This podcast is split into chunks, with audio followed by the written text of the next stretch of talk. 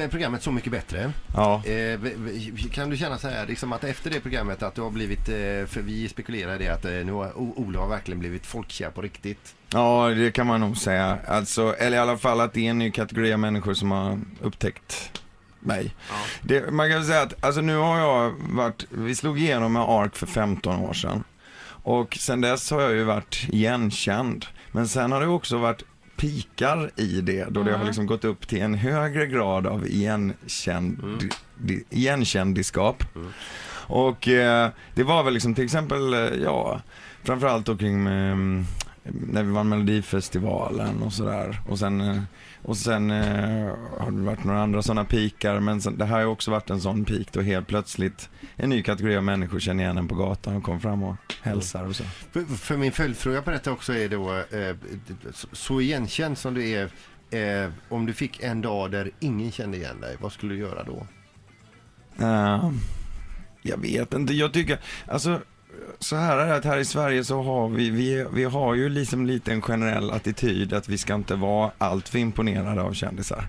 Nej. Visst är det så? Man, ingen vill vara sådär... Nej men sen vill man ju inte liksom göra någon obekväm kan jag Nej. känna så man vill liksom inte vara för påflugen. Så detta blir liksom en slags win-win situation. Folk vill inte gå omkring och känna att oj, och liksom att, att de måste på något sätt vara buga för en kändis. Nej. Och folk som kanske är igenkända tycker att det är ganska skönt att, att bli behandlad som vanligt folk. Och därför blir det någon slags, ehm, det blir någon slags deal där som fungerar väldigt bra Men jag. även när du möter folk på gatan så visst ser du direkt när de hoppar till sådär att jag känner, och vänta bara till vi har passerat Ola så ska jag berätta för dig vem jag såg.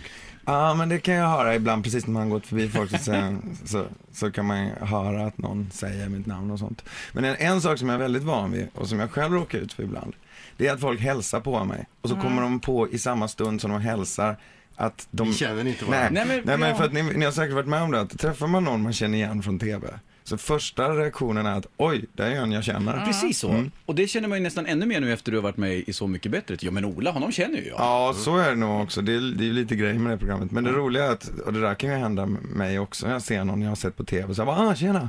Och sen kommer jag på, nej just det, jag har bara sett den på TV, jag känner inte honom egentligen.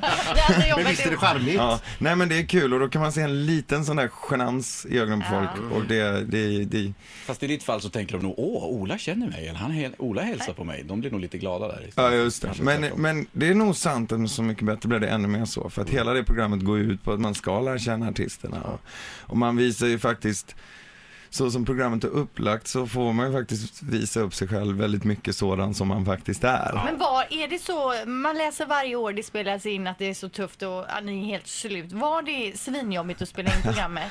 Ja, det är ganska ansträngande. Och det, det, man sover ju bara i snitt tre till fyra timmar per natt och det är väldigt så här, äh, intensivt schema. Mm, och det är ju jobbigt. Men jag kan säga att jag känner mig, mig tacksam över att det var så. För att det var så gjorde att man lite bröt ner sitt vanliga försvar mot, eh, mot att vara med i ett sånt här sammanhang och släppte fram någonting som var mer än själv. Så att det, jag tycker att jag hade nog inte varit så mycket mig själv i ett sånt här program om det inte var för att jag var så jävla Då trött. får vi tacka produktionsbolaget för att de var med och bröt ner Ola. Ja men det är ju lite hemskt men samtidigt är det ju det som gör att det blir väldigt intressant tv av det. Ett poddtips från Podplay. I podden Något Kaiko garanterar östgötarna Brutti och jag, Davva, dig en stor dos skratt. Där följer jag pladask för köttätandet igen. Man är lite som en jävla vampyr. Man har fått lite blodsmak och då måste man ha mer. Udda spaningar, fängslande anekdoter och en och annan arg rant.